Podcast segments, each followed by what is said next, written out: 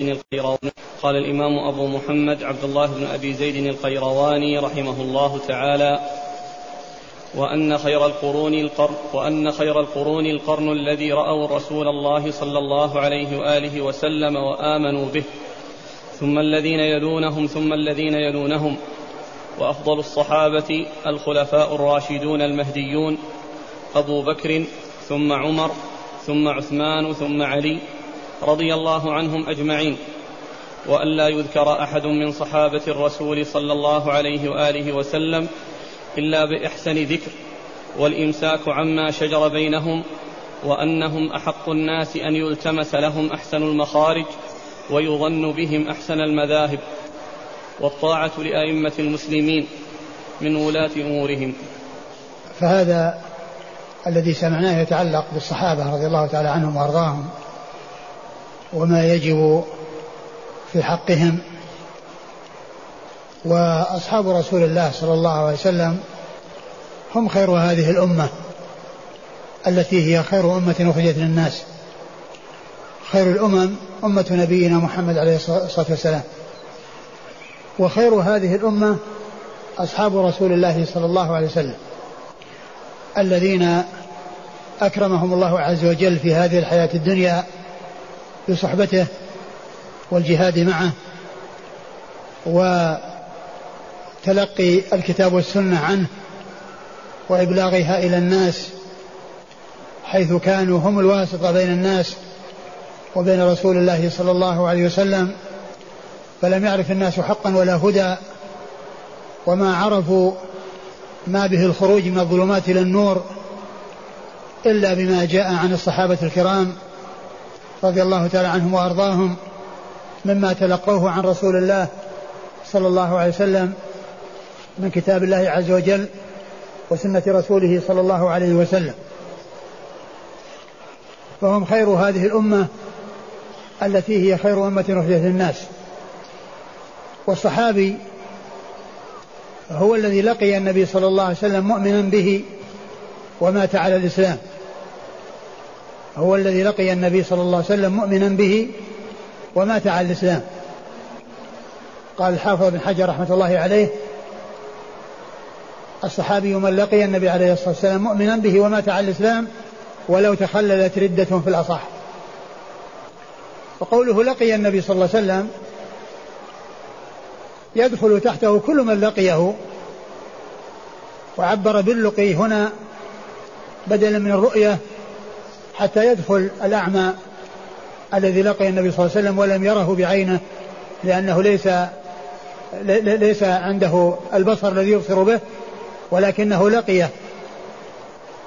وسمع منه لقيه وقد يكون مع لقيه سمع منه ولكن يكفي مجرد اللقي. كونه لقيه وإن لم وإن كان هناك مانع مانع يمنع من رؤيته. فإنه يكون صحابيا لأن المعتبر هو اللقي ويدخل في ذلك المبصر وغير المبصر. لقي النبي صلى الله عليه وسلم مؤمنا به فيخرج من لقيه كافرا ثم أسلم بعد ذلك. فإن الصحبة إنما تكون في حق من لقيه وهو مسلم. مؤمنا مؤمن به صلى الله عليه وسلم. من لقي النبي صلى الله عليه وسلم مؤمنا به ومات على الإسلام. وأيضا لا بد أن يكون مات على الإسلام. فإن ارتد ومات على الردة والعياذ بالله فإنه يخرج أن يكون صحابيا لأنه يكون من أهل النار ويكون من المخلدين في النار حيث ارتد ومات على الإسلام. ولو تخللت ردة وهذا فيه خلاف. ولهذا قال ابن حجر في الأصح يعني أن الإنسان أن أن أن, أن الذين ارتدوا ثم رجعوا إلى الإسلام لم يسقط عنهم وصف الصحبة ولم تحبط أعمالهم لأن من شرط حبوط العمل في حق المرتد أن يموت مرتدا. إنه من يرتد منكم عن دينه فيموت وهو كافر فأولئك حبطت أعمالهم. فإذا حبوط العمل في حق المرتد إذا مات على الردة. أما لو عاد إلى الإسلام فإنه لا يحبط عمله ولهذا فإن الصحابي الذي حصلت منه الردة ورجع عن ردته إلى الإسلام لم يخرج عن كونه صحابيا. ثم إن الصحبة قد يكون معها رواية وقد تكون الرواية كثيرة وقد تكون قليلة وقد لا يكون هناك رواية أصلا كالذين حجوا معه صلى الله عليه وسلم في حجة الوداع ولقوه في الموقف وفي المشاعر وسمعوا خطبته وكلامه وانصرفوا إلى بلادهم فإنهم بذلك يكون بذلك صحابة لأنه يصدق عليهم أنهم لقوا النبي صلى الله عليه وسلم وهم مسلمون وهم مؤمنون به صلى الله عليه وسلم. وفيهم الذي أكثر من الرواية كسبعة من أصحاب رسول الله صلى الله عليه وسلم وهم أبو هريرة وابن عمر وابن عباس وأبو سعيد الخدري وأنس بن مالك وجابر بن عبد الله الأنصاري وأم المؤمنين عائشة. ستة رجال وامرأة واحدة هؤلاء عرفوا بكثرة الحديث عن النبي صلى الله عليه وسلم. وفيهم يقول السيوطي في الألفية والمكثرون في رواية الأثر أبو هريرة يليه بن عمر وأنس والبحر كالخدري وجابر وزوجة النبي. فهؤلاء مكثرون من الرواية عن الرسول الكريم صلى الله عليه وسلم. ثم هؤلاء الصحابة الكرام رضي الله تعالى عنهم وأرضاهم هم عدول بتعديل الله عز وجل لهم وتعديل رسوله صلى الله عليه وسلم وثناء الله عز وجل عليهم وثناء رسوله عليه الصلاة والسلام. فهم لا يحتاجون بعد ذلك إلى تعديل المعدلين وتوثيق الموثقين. ولهذا فإن الرواة إذا جاءوا في الإسناد لا بد من معرفة أحوالهم ولا بد من البحث عن ثقتهم وعدالتهم إلا الصحابي. فالصحابي يكفيه شرفا أن يكون صاحب رسول الله صلى الله عليه وسلم. يكفيه ذلك شرفا. ولهذا لا يحتاج إلى أن يبحث عن حاله إذا ثبت أنه صحابي. أما غيره ممن دونه من التابعين ومن دونهم فلا بد من البحث عن حاله. وإذا كان مجهولا أو مبهما فإنه لا يعتد بحديثه. وأما الصحابي فالمبهم في حكم المعلوم فلو قيل عن رجل من أصحاب النبي صلى الله عليه وسلم ولم يسمى يكفي لأن الصحابي الصحابة لا لا يحتاج إلى معرفة أشخاصهم ولا معرفة آه، حالهم لأن المجهول فيهم في حكم المعلوم المجهول فيهم في حكم المعلوم بخلاف غيرهم فإنه يحتاج إلى معرفة حاله أنه ثقة أو ضعيف. وبناء على ذلك يحكم على حديثه. وأما الصحابة فلا يسأل عنهم وعن أحوالهم إذا ثبت أنه صحابي. ولهذا فإن الذين يترجمون للرواة عندما يأتون للصحابي يقولون صحابي. ما يقولون فيه شيء آخر من التوثيق والتعديل. إلا إذا كان هناك ميزة تميز بها عن غيره من الصحابة كأن يكون من أهل بدر أو من أهل بيعة الرضوان فإنهم ينصون على ذلك لأن هذه منقبة وفضيلة وخصيصة وميزة فيذكرونها لتميز أصحابها.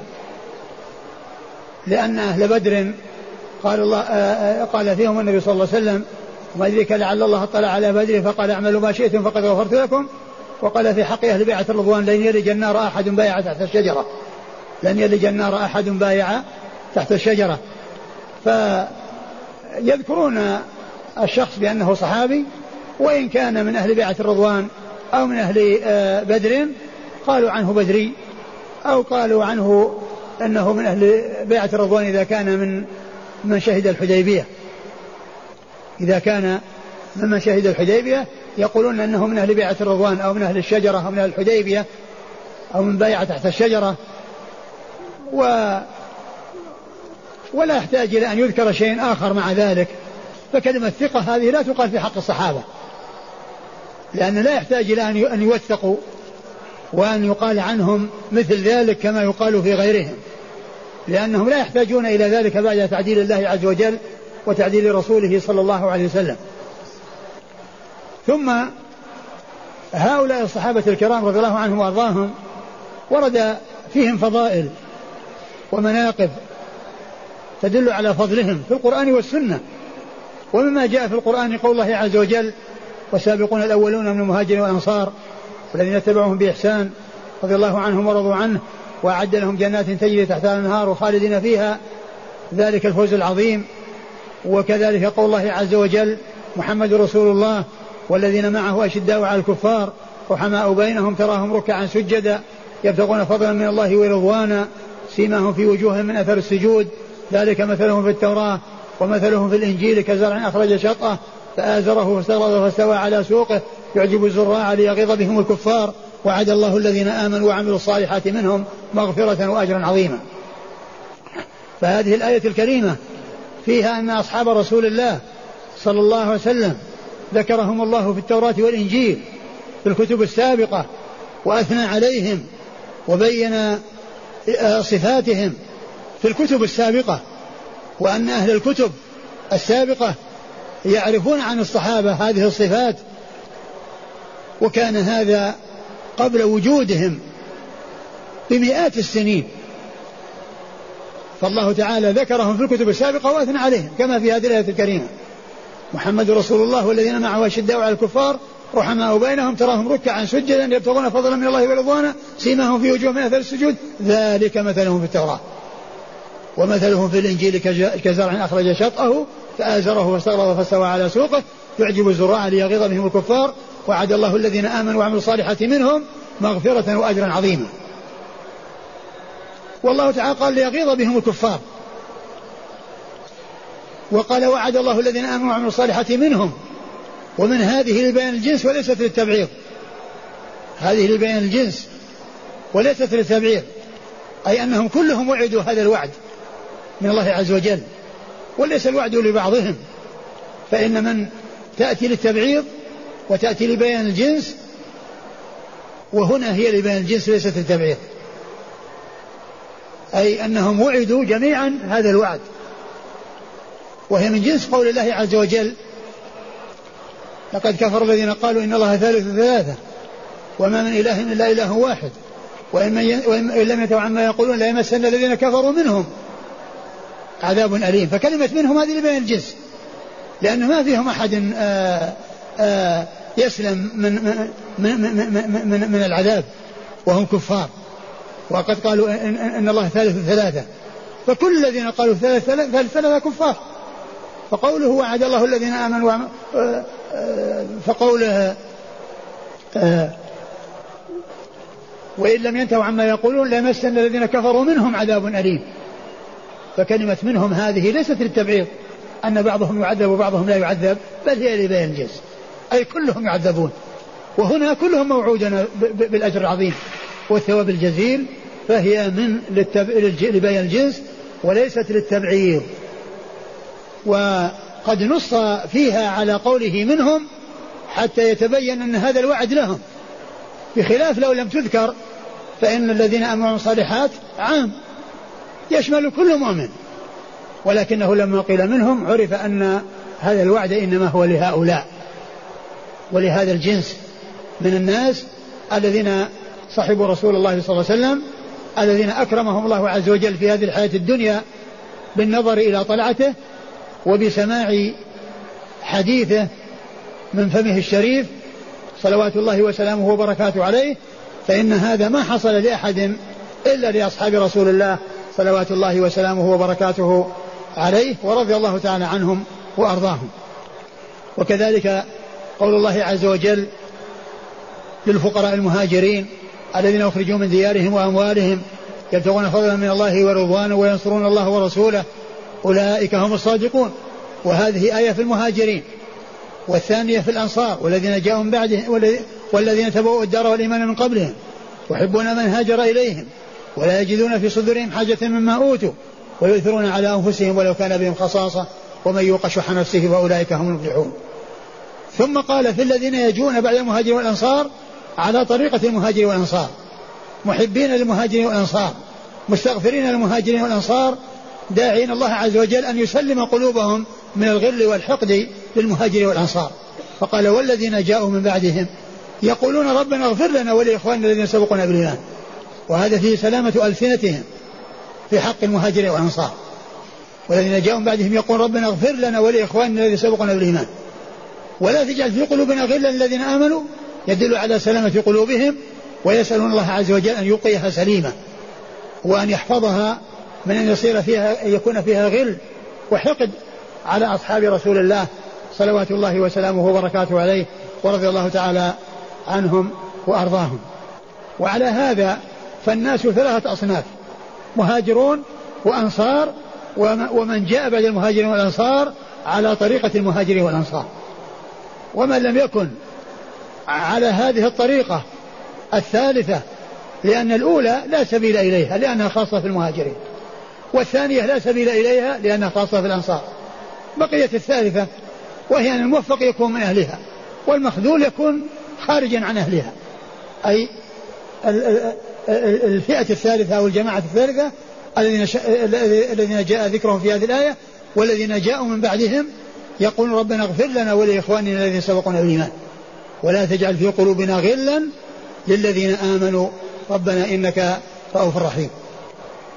وكذلك قول الله عز وجل وما لكم ألا تنفقوا في سبيل الله ولله ميراث السماوات والأرض لا يستوي منكم من أنفق من قبل الفتح وقاتل. أولئك أعظم درجة من الذين أنفقوا بعد وقاتلوا وكل وعد الله الحسنى. فذكر الذين قاتلوا من وأنفقوا من قبل الفتح والذين حصل منهم بعد الفتح وأنهم متفاوتون ولكنهم مشتركون في أن الكل وعد الحسنى. ولهذا قال وكلا وعد الله الحسنى والحسنى الجنة كما قال الله عز وجل للذين أحسنوا الحسنى وزيادة. فإن النبي صلى الله عليه وسلم فسر الحسنى بأنها الجنة والزيادة بأنها النظر إلى وجه الله عز وجل كما جاء في حديث صهيب رضي الله عنه الذي أخرجه مسلم في صحيحه. فهذه من الآيات التي فيها التنويه. بالصحابة وبيان فضلهم وعلو منازلهم وثناء الله عز وجل عليهم. أما رسول الله صلى الله عليه وسلم فقد أثنى عليهم وقال خير الناس قرني ثم الذين يلونهم ثم الذين يلونهم. فخير الناس القرن الذين بعث فيهم رسول الله صلى الله عليه وسلم وهم الصحابة. هؤلاء هم خير الناس. ولهذا قال في الفرقة الناجية لما ذكر الثلاث وسبعين فرقة قال وستفترق هذه الأمة على ثلاث وسبعين فرقة كلها في النار إلا واحدة. قيل من يا رسول الله؟ قال الجماعة. وفي لفظ من كان على ما أنا عليه وأصحابي. من كان على ما أنا عليه وأصحابي. هذه الفرقة الناجية. أما من يكون على غير طريقة الصحابة وعلى غير منهج الصحابة ويخرج عن ما كان عليه الصحابة فهذا انحرف عن الجادة. انحرف عن الجادة وانحرف عن طريق الحق والهدى. ثم الذين يلونهم وهم التابعون. ثم الذين يلونهم وهم أتباع التابعين. يعني الذين رأوا الرسول صلى الله عليه وسلم هؤلاء خير الناس. ويليهم الذين رأوا من رأى النبي صلى الله عليه وسلم وهم التابعون. ويليهم من رأى من رأى أصحاب رسول الله صلى الله عليه وسلم وهم أتباع التابعين الذين رأوا التابعين. فالصحابة عيونهم رأت النبي صلى الله عليه وسلم. والتابعون رأوا العيون التي رأت النبي صلى الله عليه وسلم. والتابعون رأوا العيون التي رأت النبي صلى الله عليه وسلم. هم ما رأوا النبي عليه الصلاة والسلام ولكنهم رأوا العيون التي رأته. وهم الصحابة رضي الله وهي عيون الصحابة هي رأوا الصحابة الذين رأوا النبي صلى الله عليه وسلم. وقد جاء في الصحيحين أن النبي عليه الصلاة والسلام قال يأتي على الناس زمان فيغزو فئام منهم فيقال هل فيكم من صحب رسول الله صلى الله عليه وسلم؟ انظروا هل فيكم من صحب رسول الله صلى الله عليه وسلم؟ فيقول نعم فيفتح لهم. يعني فيهم صحابة فيهم من رأى النبي صلى الله عليه وسلم فيهم من هم خيار الناس. الذين هم الصحابة رضي الله عنهم وأرضاهم. ثم يأتي على الناس زمان فيغزو فئام منهم. فيقول فيقال انظروا هل فيكم من صحب أصحاب رسول الله صلى الله عليه وسلم اللي هم التابعين. فيقول نعم فيفتح لهم. ثم يأتي على الناس زمان فيغزو فئام منهم فيقال انظروا هل فيكم من صحب من صحب أصحاب رسول الله صلى الله عليه وسلم. وهم أتباع التابعين فيقول نعم فيفتح لهم. وهذا الحديث مثل قوله خير الناس قرني ثم الذين يلونهم ثم الذين يلونهم خير الناس قرني ثم الذين يلونهم ثم الذين يلونهم. وكذلك جاء النهي عن سب الصحابة عن رسول الله صلى الله عليه وسلم في الحديث الصحيح. قال عليه الصلاة والسلام لا تسبوا أصحابي فهو الذي نفسي بيده لو أنفق أحدكم مثل أحد ذهبا ما بلغ مد أحدهم ولا نصيبا. أي أن العمل القليل منهم. لا يساويه عمل الكثير من غيرهم. والمد أو نصف المد الذي هو ربع الصاع لأن المد ربع الصاع والنصيف ثمن الصاع. إذا أنفقه واحد من الصحابة وأنفق غيرهم مثل أحد ذهبا فإن ذلك المقدار الذي مثل مثل أحد لا يماثل ذلك المقدار الذي حصل من الصحابة وهو التصدق بشيء من الذهب نصف المد أو نصف المد. فالعمل الكثير من غيرهم لا يعادل العمل القليل منهم. وذلك أن الذي حصل منهم إنما هو في الجهاد مع الرسول صلى الله عليه وسلم والذب عنه وفدائه بالنفس والمال وتلقي السنن عنه وأخذ القرآن عنه وأخذ السنة عنه وتبليغها للناس فكل من جاء بعدهم لم يعرف حقا ولا هدى إلا من طريقهم.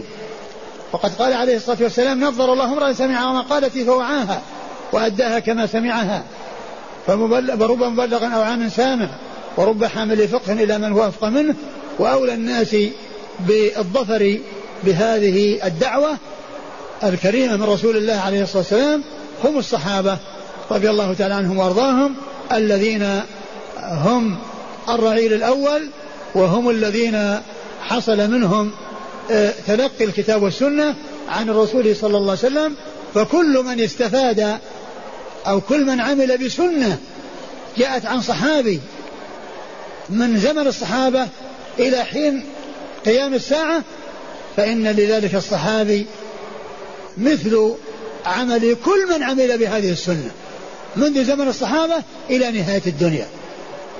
لأن النبي عليه الصلاة والسلام من قال من دعا إلى هدى كان له من أجر مثل أجور من تبعه لا ينقص ذلك من أجورهم شيئا. ومن دعا إلى ضلالة كان عليه من الإثم من الإثم مثل أثام من تبعه لا ينقص ذلك من أثامهم شيئا. فمن يعني من, من مما يبين عظم أجرهم وثوابهم أن من حفظ سنة عن رسول الله عليه الصلاة والسلام وبلغها لغيره ثم بلغت وتسلسل التبليغ إلى نهاية الدنيا فإن كل من عمل بهذه السنة يؤجر على عمله. والله تعالى يأجر ذلك الصحابي الذي روى هذه السنة عن رسول الله صلى الله عليه وسلم مثل أجور أولئك الذين عملوا بهذه السنة من غير أن ينقص من أجورهم شيء. ونبينا محمد عليه الصلاة والسلام هو الذي له الأجور العظيمة بسبب الدعوة إلى الحق والهدى وإرشاد الناس إلى الخير وإخراجهم من الظلمات إلى النور فإن الرسول الكريم عليه الصلاة والسلام له أجور أعماله التي عملها وله مثل أجور أمته كلها من أولها إلى آخرها لأن كل خير وهدى حصل للناس إنما حصل بسببه وعن طريقه وقد قال عليه الصلاة والسلام من دعا إلى هدى كان له من أجر مثل أجور من تبعه لا ينقص ذلك من أجورهم شيئا. ومن دعا إلى ضلالة كان عليه من الإثم مثل أثام من تبعه لا ينقص ذلك من أثامهم شيئا. وعلى هذا فمن يريد أن يصل إلى رسول الله صلى الله عليه وسلم بسببه شيء من الثواب ومن الأجر فإن عليه أن يعمل صالحا لنفسه. ثم الله يعطي نبيه مثل ما أعطاه. يعطي نبيه صلى الله عليه وسلم مثل ما أعطاه لأن من دل على خير فله مثل أجر فاعله. وبعد رسول الله صلى الله عليه وسلم الذين لهم الحظ الأوفر والنصيب الأكبر من الثواب بسبب التبليغ والدعوة إلى الخير هم أصحاب رسول الله صلوات الله وسلامه وبركاته عليهم. آه، صلوات الله وسلامه وبركاته عليه ورضي الله تعالى عن الصحابة أجمعين. فقد جاءت الآيات العديدة والأحاديث الكثيرة دالة على فضل أصحاب رسول الله صلى الله عليه وسلم وعلى علو مكانتهم وعلى علو منازلهم وهم متفاوتون. وخير هذه الأمة خير هذه الأمة الصحابة وخير الصحابة على الإطلاق أبو بكر ثم عمر ثم عثمان ثم علي. هذه عقيدة أهل السنة والجماعة وهذه طريقة أهل السنة والجماعة أنهم يقدمون أبا بكر ثم عمر ثم عثمان ثم علي وترتيبهم في الفضل كترتيبهم بالخلافة وخلافتهم خلافة نبوة. وقد قال عليه الصلاة والسلام خلافة النبوة بعد ثلاثون سنة ثم يؤتي الله ملكه من يشاء. قال عليه الصلاة والسلام فإنه من يعش منكم فسيرى اختلافا كثيرا فعليكم بسنتي وسنة الخلفاء الراشدين المهديين من بعدي تمسكوا بها وعضوا عليها بالنواجذ. فهؤلاء الأربعة هم الخلفاء الراشدون الهادون المهديون رضي الله تعالى عنهم وأرضاهم وهم مرتبون في الفضل كترتيبهم في الخلافة. أبو بكر ثم عمر ثم عثمان ثم علي. وهؤلاء الأربعة رضي الله تعالى عنهم وأرضاهم صلتهم بالنبي صلى الله عليه وسلم وثيقة. وهم جميعا أصهار رسول الله صلى الله عليه وسلم. أما أبو بكر وعمر فقد تزوج رسول الله صلى الله عليه وسلم بنتيهما. تزوج عائشة بنت أبي بكر وتزوج حفصة بنت عمر. وأما الآخران وأما الآخران وهما عثمان وعلي فتزوج من بنات رسول الله صلى الله عليه وسلم. فعثمان تزوج رقية ولما مات تزوج أختها أم كلثوم ولهذا يقال له ذي النورين لأنه تزوج ابنتين من بنات رسول الله صلى الله عليه وسلم واحدة بعد الأخرى. وعلي رضي الله عنه تزوج فاطمة. فأصحاب فهؤلاء الأربعة هم أصهار رسول الله. هم أصهار رسول الله صلى الله عليه وسلم ورضي الله تعالى عنهم وأرضاهم. وكل منهم له مناقب وله فضائل. ومن أجل فضائل أبي بكر رضي الله عنه أن الرسول عليه الصلاة والسلام قال قبل أن يموت بخمس ليال إني أبرأ إلى الله أن يكون لي منكم خليل. فإن الله اتخذني خليلا كما اتخذ إبراهيم خليلا. ولو كنت متخذا من أمتي خليلا لاتخذت أبا بكر خليلا.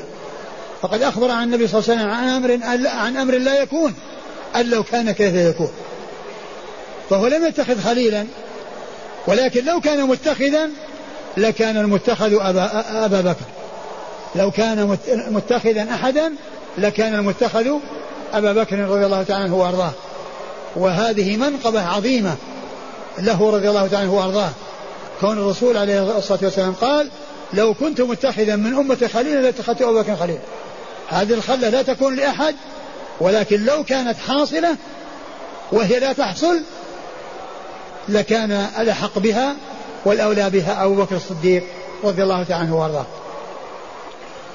وأبو بكر رضي الله عنه هو خليفة رسول الله صلى الله عليه وسلم. وقد جاءت نصوص تدل على أحقيته بالخلافة وأولويته فيها. ولم يأتي عن النبي صلى الله عليه وسلم نص يقول فيها الخليفة بعد أبو بكر أو غيره. ولكن جاء نصوص تدل على أن أبا بكر هو الأحق بالخلافة. وأوضحها قوله عليه الصلاة والسلام لعائشة ادعي لأباك وأخاك لأكتب كتابا فإني أخشى أن يتمنى متمن أو يقول قائل. ثم ترك الكتابة وقال يأبى الله والمسلمون إلا أبا بكر. ما في حاجة للكتابة. الذي يريده سيتحقق. الذي يريده ستلتقي عليه أفئدة أصحاب رسول الله صلى الله عليه وسلم وستتفق عليه قلوبهم وسيرغبون باختيارهم وبرغبتهم إلى أن يولوا أبا بكر رضي الله تعالى عنه وأرضاه. ولهذا قال يأبى الله والمسلمون إلا أبا بكر. وقد أبى الله إلا أبا بكر وأبى المسلمون إلا أبا بكر. وبايع المسلمون أبا بكر خليفة لرسول الله صلوات الله وسلامه وبركاته عليه. ثم عمر رضي الله عنه صاحب المناقب الجمة والفضائل الكثيرة الذي قال فيه النبي صلى الله عليه وسلم ما سلكت فجا يا عمر إلا وسلك الشيطان فجا غير فجك. فهو لا يلتقي مع الشيطان في طريق واحد. فالطريق الذي يكون فيه عمر يهرب منه الشيطان. وقد وقد آه، عهد إليه أبو بكر بالخلافة من بعده واعتبر الصحابة رضي الله عنهم وأرضاهم ذلك من أعظم حسنات أبي بكر ومن أجل حسنات أبي بكر لأنه اختار رجلا عظيما حصل على يديه الخير الكثير. وفتحت الفتوحات واتسعت رقعة البلاد الإسلامية و آه، قضي على الدولتين العظميين في ذلك الزمان دولة الفرس والروم. وأنفقت كنوز كسرى وقيصر في سبيل الله على يد الفاروق رضي الله تعالى عنه وأرضاه. ثم عثمان ذي النورين الذي جعل عمر رضي الله عنه الأمر من بعده شورى لستة من أصحاب النبي صلى الله عليه وسلم هم عثمان وعلي وطلحة والزبير وسعد بن أبي وقاص وعبد الرحمن بن عوف. وانتهى الأمر إلى أن اختير عثمان من الستة فكان هو الخليفة الثالث ثالث الخلفاء الراشدين الهادي المهديين وهو أطول الصحاء وهو أطول الخلفاء الراشدين مدة لأن خلافته امتدت اثنتا عشرة سنة وبعده عمر عشر سنوات وزيادة.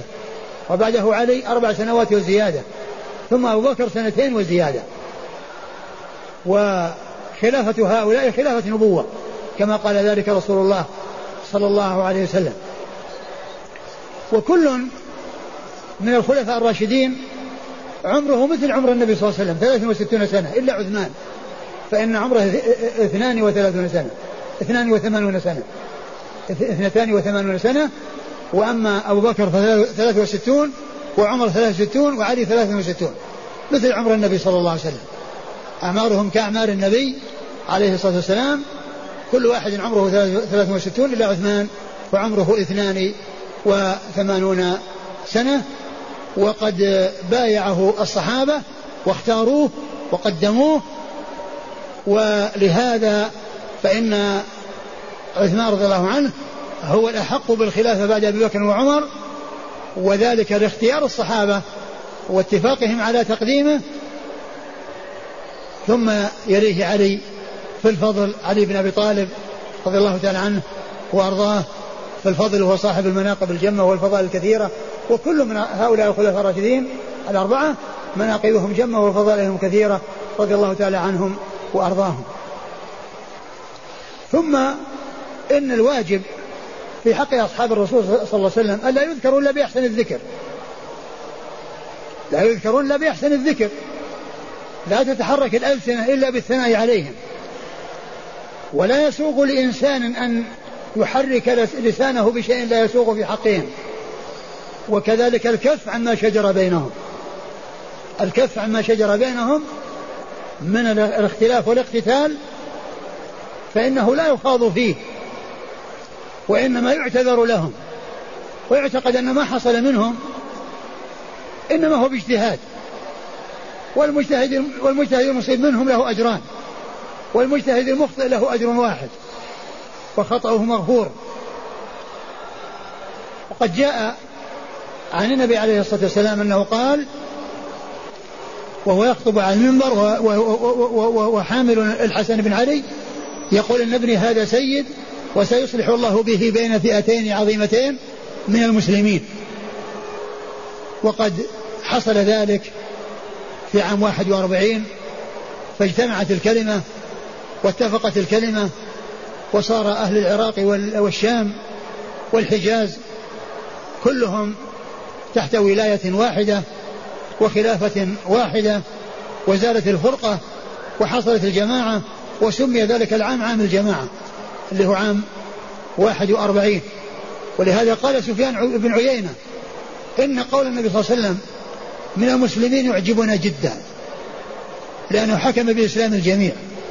وقال إن الطائفتين المقتتلتين اللتين يحصل التوفيق بينهما واجتماعهما على يد الحسن والصلح بينهما على يد الحسن وصفهما بأنهما بأنهم بأنهم مسلمون. لهذا قال سفيان بن عيينة إن قول النبي صلى الله عليه وسلم في هذا الحديث من المسلمين يعجبنا جدا لأنه حكم بإسلام الجميع.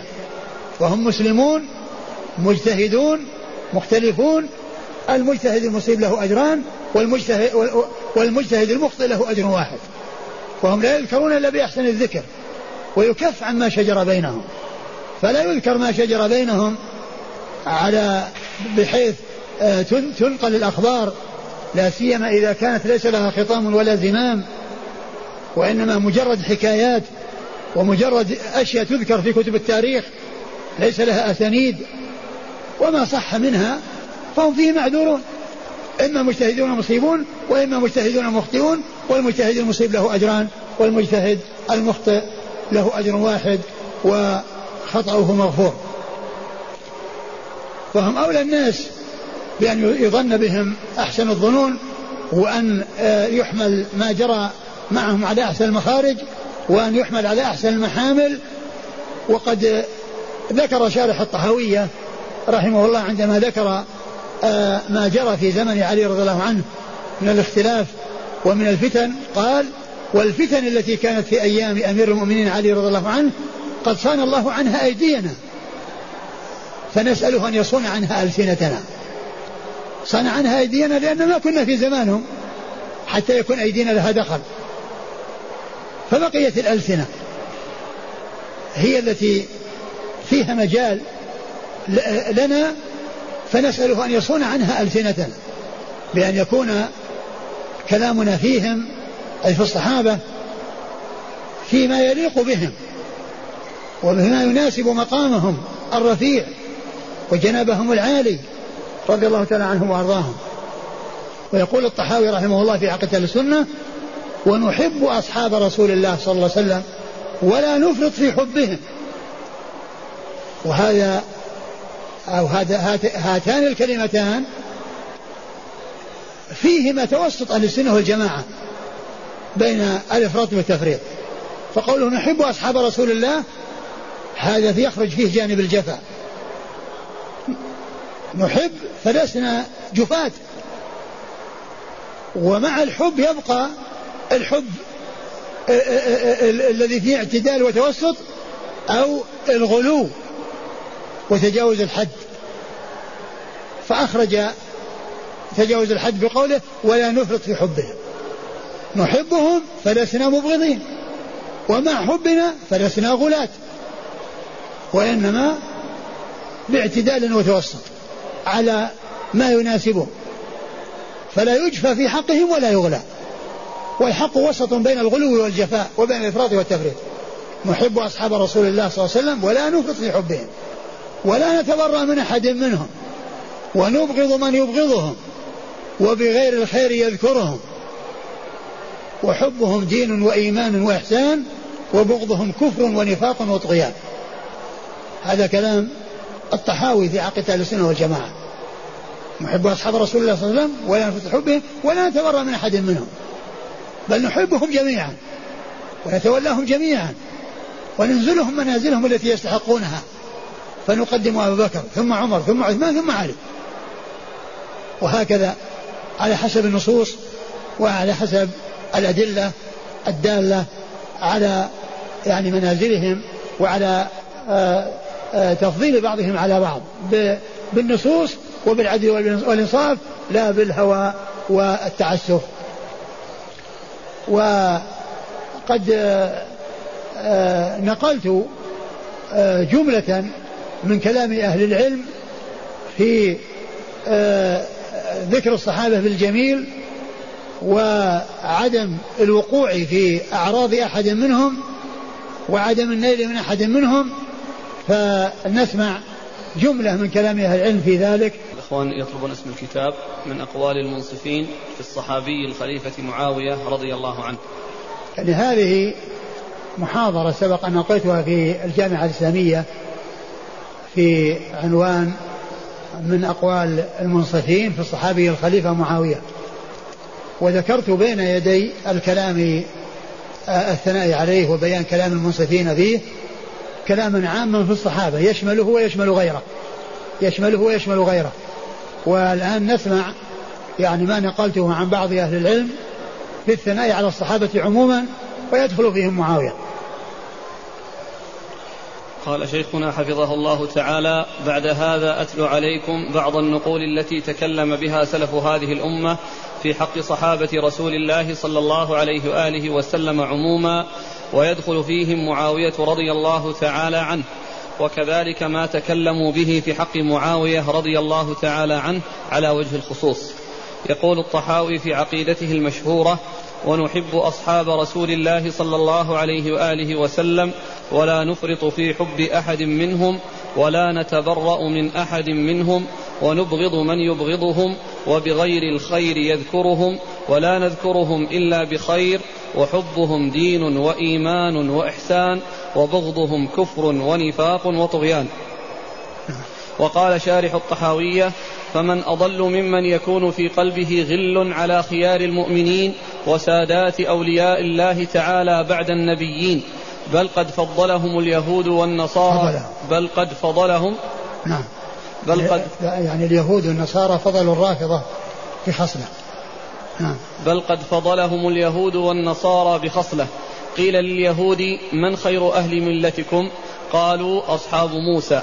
وقيل للنصارى من خير أهل ملتكم؟ فقالوا أصحاب عيسى. وقيل للرافضة من شر أهل ملتكم؟ فقالوا أصحاب محمد. ولم يستثنوا منهم إلا القليل وفي من سبوا سبوه سبوهم من هو خير ممن استثنوهم بأضعاف مضاعفة. وقال البغوي في شرح السنة قال مالك من يبغض أحدا من أصحاب رسول الله صلى الله عليه وآله وسلم وكان في قلبه عليه غل فليس له حق في فيء المسلمين. ثم قرأ قوله سبحانه وتعالى ما أفاء الله على رسوله من أهل القرى إلى قوله والذين جاءوا من بعدهم يقولون ربنا اغفر لنا ولإخواننا الذين سبقونا بالإيمان.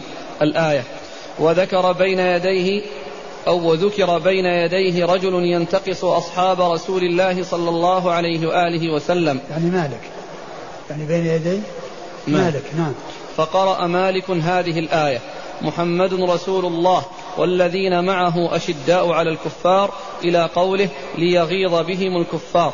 ثم قال من أصبح من الناس في قلبه غل على أحد من أصحاب النبي صلى الله عليه وآله وسلم فقد أصابته هذه الآية. يقول فقد أصابته هذه الآية يعني فيها الكفر لأن قال يغيظ بهم الكفار. وقال الشوكاني عند تفسير قوله تعالى والذين جاءوا من بعدهم يقولون ربنا اغفر لنا ولإخواننا الذين سبقونا بالإيمان ولا تجعل في قلوبنا غلا للذين آمنوا ربنا إنك رؤوف رحيم قال بعد أن فسر الذين جاءوا من بعدهم أي بعد المهاجرين بعد المهاجرين والأنصار بأنهم التابعون لهم بإحسان إلى يوم الدين. قال أمرهم الله سبحانه بعد الاستغفار للمهاجرين والأنصار أن يطلبوا من الله سبحانه أن ينزع من قلوبهم الغل أن ينزع من قلوبهم الامنوا على الإطلاق. فيدخل في ذلك الصحابة دخولا اوليا لكونهم أشرف المؤمنين ولكون السياق فيهم. فمن لم يستغفر للصحابة على العموم ويطلب رضوان الله لهم فقد خالف ما أمره الله به في هذه الآية. فإن وجد في قلبه غلا لهم فقد أصابه نزغ من الشيطان.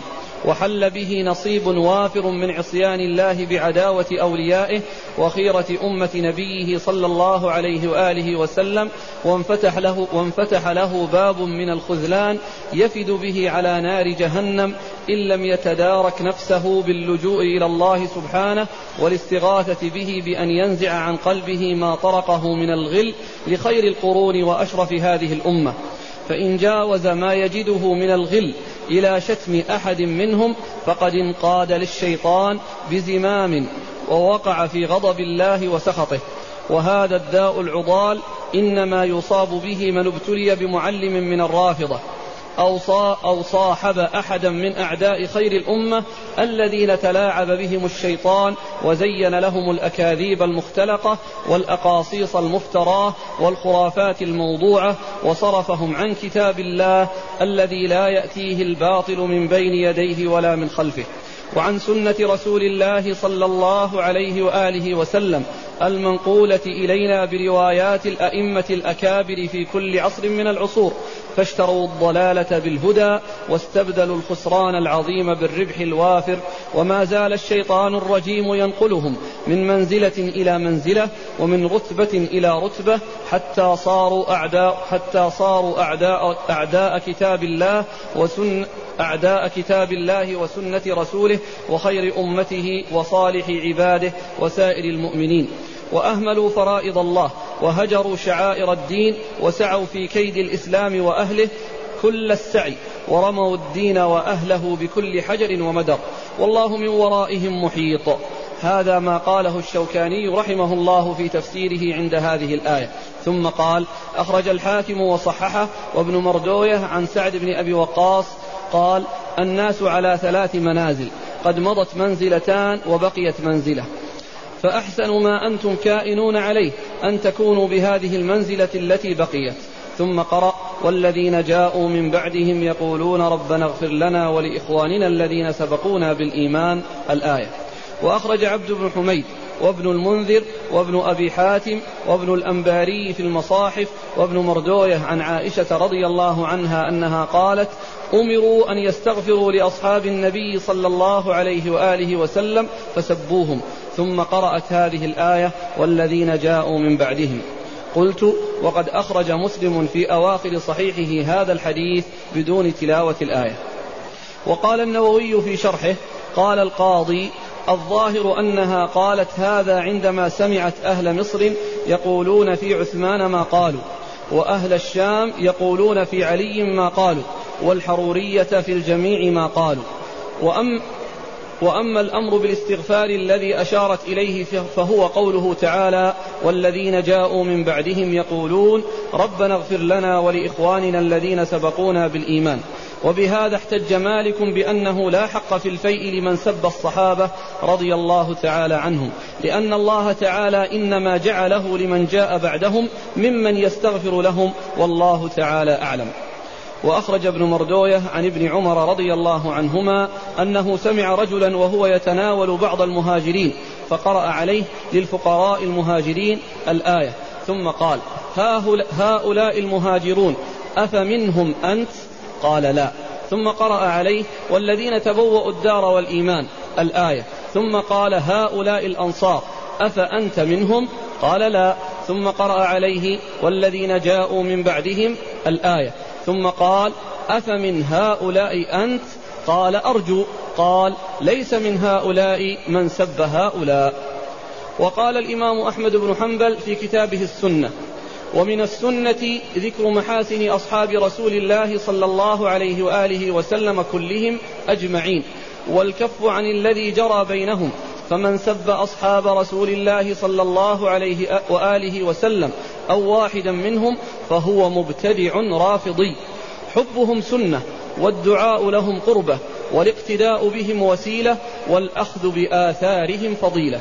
وقال لا يجوز لأحد أن يذكر شيئا من مساوئهم ولا يطعن على أحد منهم فمن فعل ذلك فقد وجب على السلطان تأديب وجب على السلطان تأديبه.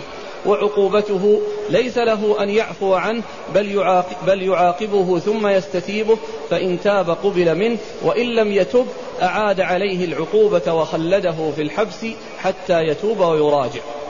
وقال الإمام أبو عثمان الصابوني في كتابه عقيدة السلف وأصحاب الحديث ويرون الكف عما شجر بين أصحاب رسول الله صلى الله عليه وآله وسلم وتطهير الألسنة عن ذكر ما يتضمن عيبا لهم أو نقصا فيهم ويرون الترحم على جميعهم والموالاة لكافتهم.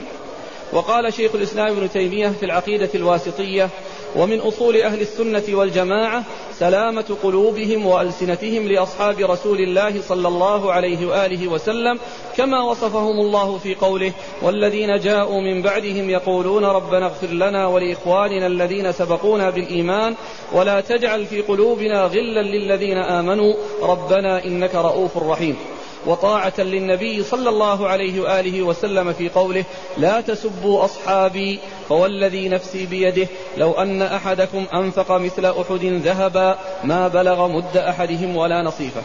إلى أن قال ويتبرؤون من طريقة الروافض الذين يبغضون الصحابة ويسبونهم وطريقة النواصب الذين يؤذون أهل البيت بقول أو عمل ويمسكون عما جرى بين الصحابة ويقولون إن هذه الآثار المروية في مساوئهم منها ما هو كاذب ومنها ما قد زيد فيه ومنها ما قد زيد فيه ونقص وغير عن وجهه والصحيح منه هم فيه معذورون إما مجتهدون مصيبون وإما مجتهدون مخطئون وهم مع ذلك لا يعتقدون أن كل واحد من الصحابة معصوم عن كبائر الإثم وصغائره بل يجوز عليهم الذنوب في الجملة ولهم من السوابق والفضائل ما يوجب مغفرة ما صدر منهم إن صدر حتى إنه يغفر لهم من السيئات ما لا يغفر لمن بعدهم لأن لهم من الحسنات التي تمحو السيئات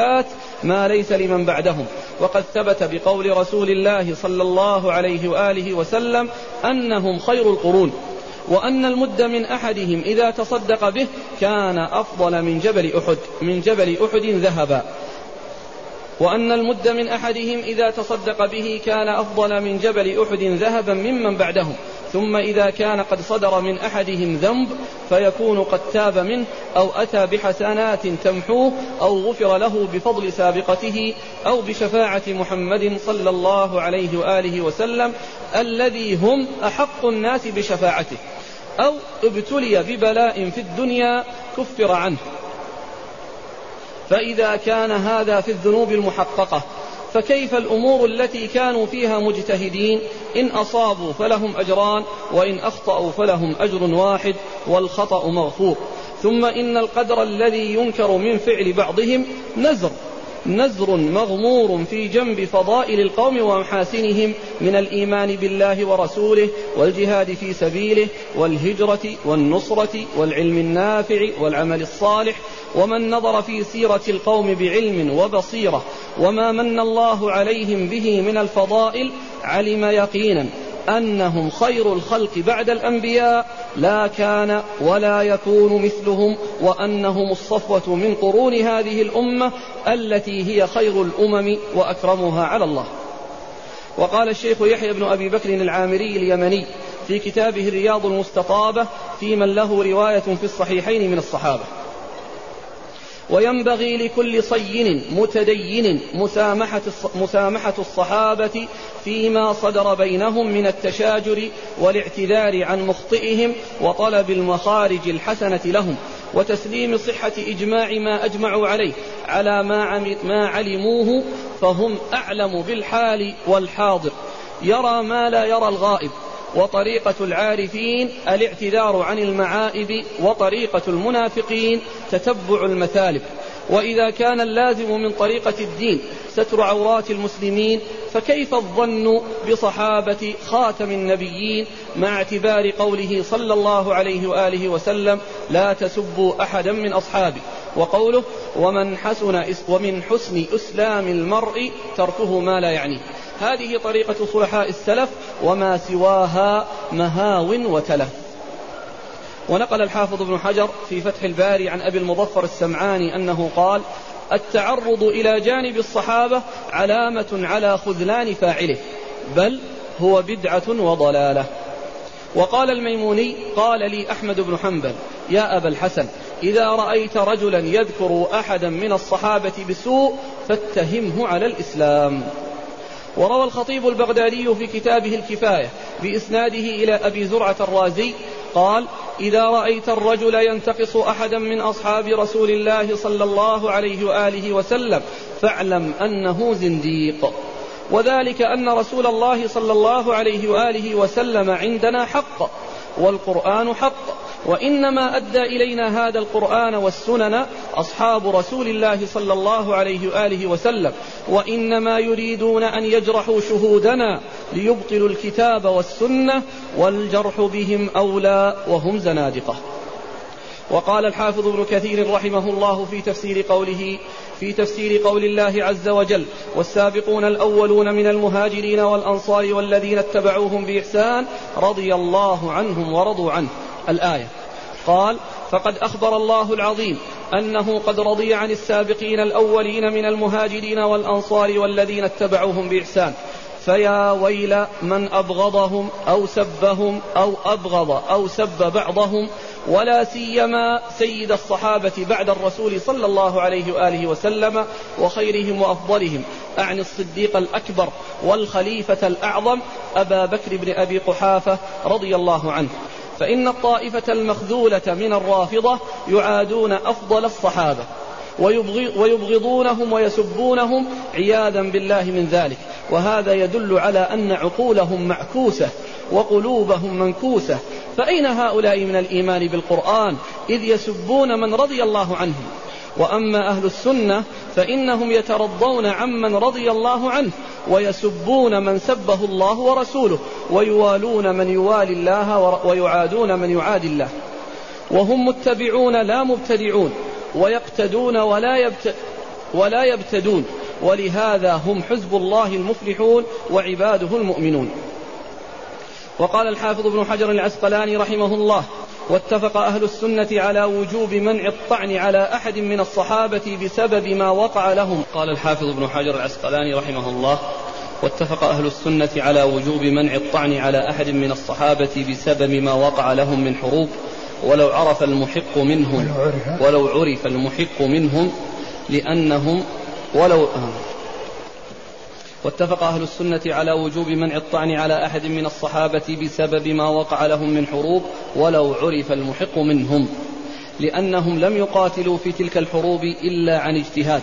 وقد عفى الله تعالى عن المخطئ في الاجتهاد بل ثبت أنه يؤجر أجرا واحدا وأن المصيب يؤجر أجرين. ومن أقوال المنصفين في معاوية يعني هذا الكلام أو هذه النقول نقلتها عن جماعة من العلم بما يتعلق في حق الصحابة على سبيل العموم. ثم بعد ذلك نقول أن تتعلق بمعاوية على سبيل الخصوص. وننتهي يعني عند عند هذا فيما يتعلق بالنقل أو بسماع النقول في حق أصحاب الرسول صلى الله عليه وسلم على سبيل العموم ومنهم معاوية رضي الله تعالى عن الجميع.